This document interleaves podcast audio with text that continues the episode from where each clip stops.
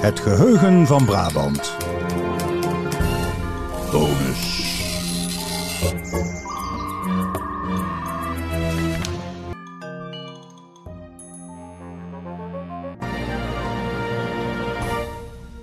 Je luistert naar een bonus bij onze aflevering over slechte woonomstandigheden in Brabant in het verleden.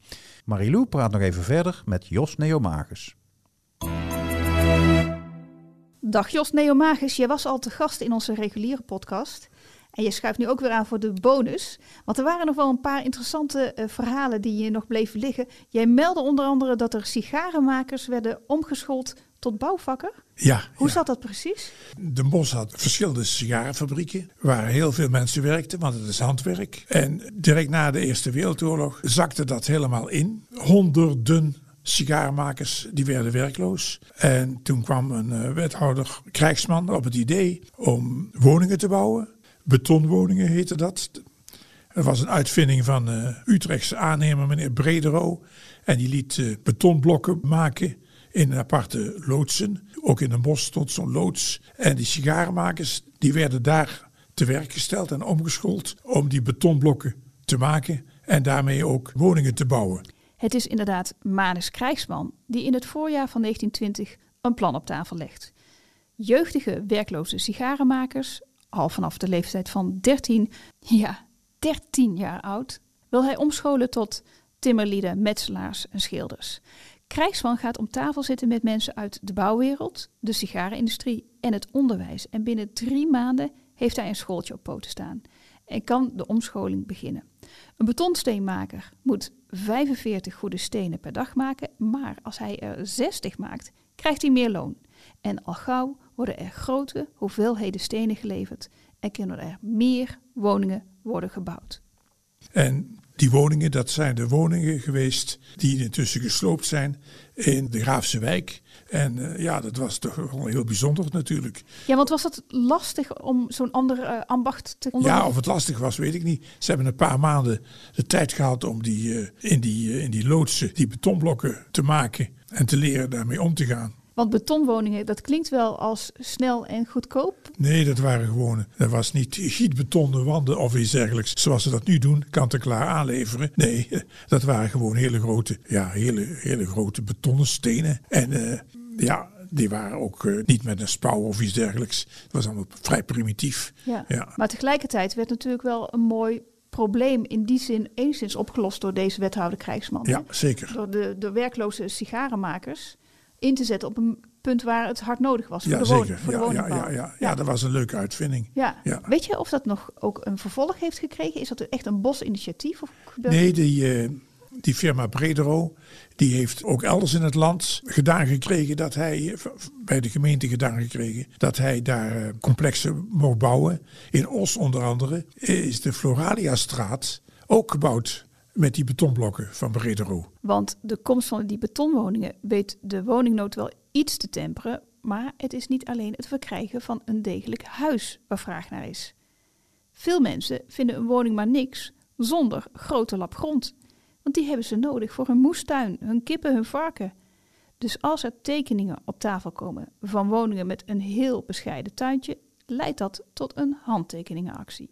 Ja, van uh, Ossenaren die uh, gewend zijn geweest altijd in een klein uh, keuterboer, als keuterboertje in een kleine armzalig stolpje te wonen. En daar een, een, stuk grond hadden waar ze zelf hun boontjes kweekten en kippen hielden en een varken en zo meer. En als ze dan naar de stad kwamen en een nieuwe woning kregen, ja, daar zat natuurlijk maar een heel klein tuintje bij. Dus daar kwam een initiatief aan naar het gemeentebestuur met de vraag: wil je nieuwe woningen bouwen met een flinke lap grond erbij? Want wij zijn gewend om zelfvoorzienend te zijn. En dat heeft geleid tot een uh, actie met meer dan 600 handtekeningen. En uh, ja, die zijn allemaal nog mooi bewaard gebleven. Maar het heeft uiteindelijk uh, wel tot discussies geleid in de gemeenteraad, maar niet tot een, een echte oplossing. Maar die wens bleef toch bestaan. En direct na de Tweede Wereldoorlog zijn er dus noodwoningen gebouwd, hè, die make-read woningen. Maar ook de nieuwe woningen van het gemeentelijk woningbedrijf. En die kregen ook al een flinke tuin tot 30 meter diep. Dat was dus vrij uniek.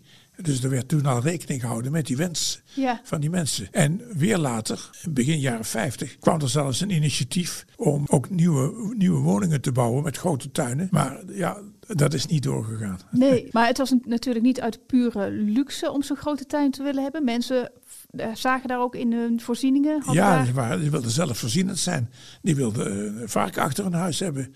Die wilden een paar kippen hebben. Die wilden zelf eh, de aardappelen en de boontjes verbouwen en alles meer. Hun ouders, hun grootouders waren dat gewend in de boerderijtjes buiten de stad.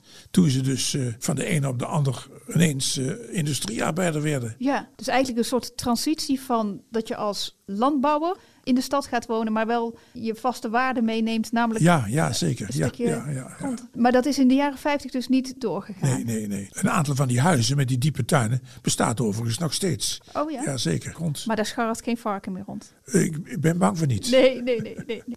Want daar gaat de woningwet van 1901 niet van uit. Dat mensen niet alleen een solide huis willen, maar ook grond om in hun levensonderhoud te kunnen voorzien. En toch betekent die wet, die een jaartje later van kracht gaat, de start van volkshuisvesting in Nederland. En daarmee het begin van betere leef- en woonomstandigheden. Kunnen we die huizen, zeg maar de eerste resultaten van die wet, nog terugvinden in ons straatbeeld?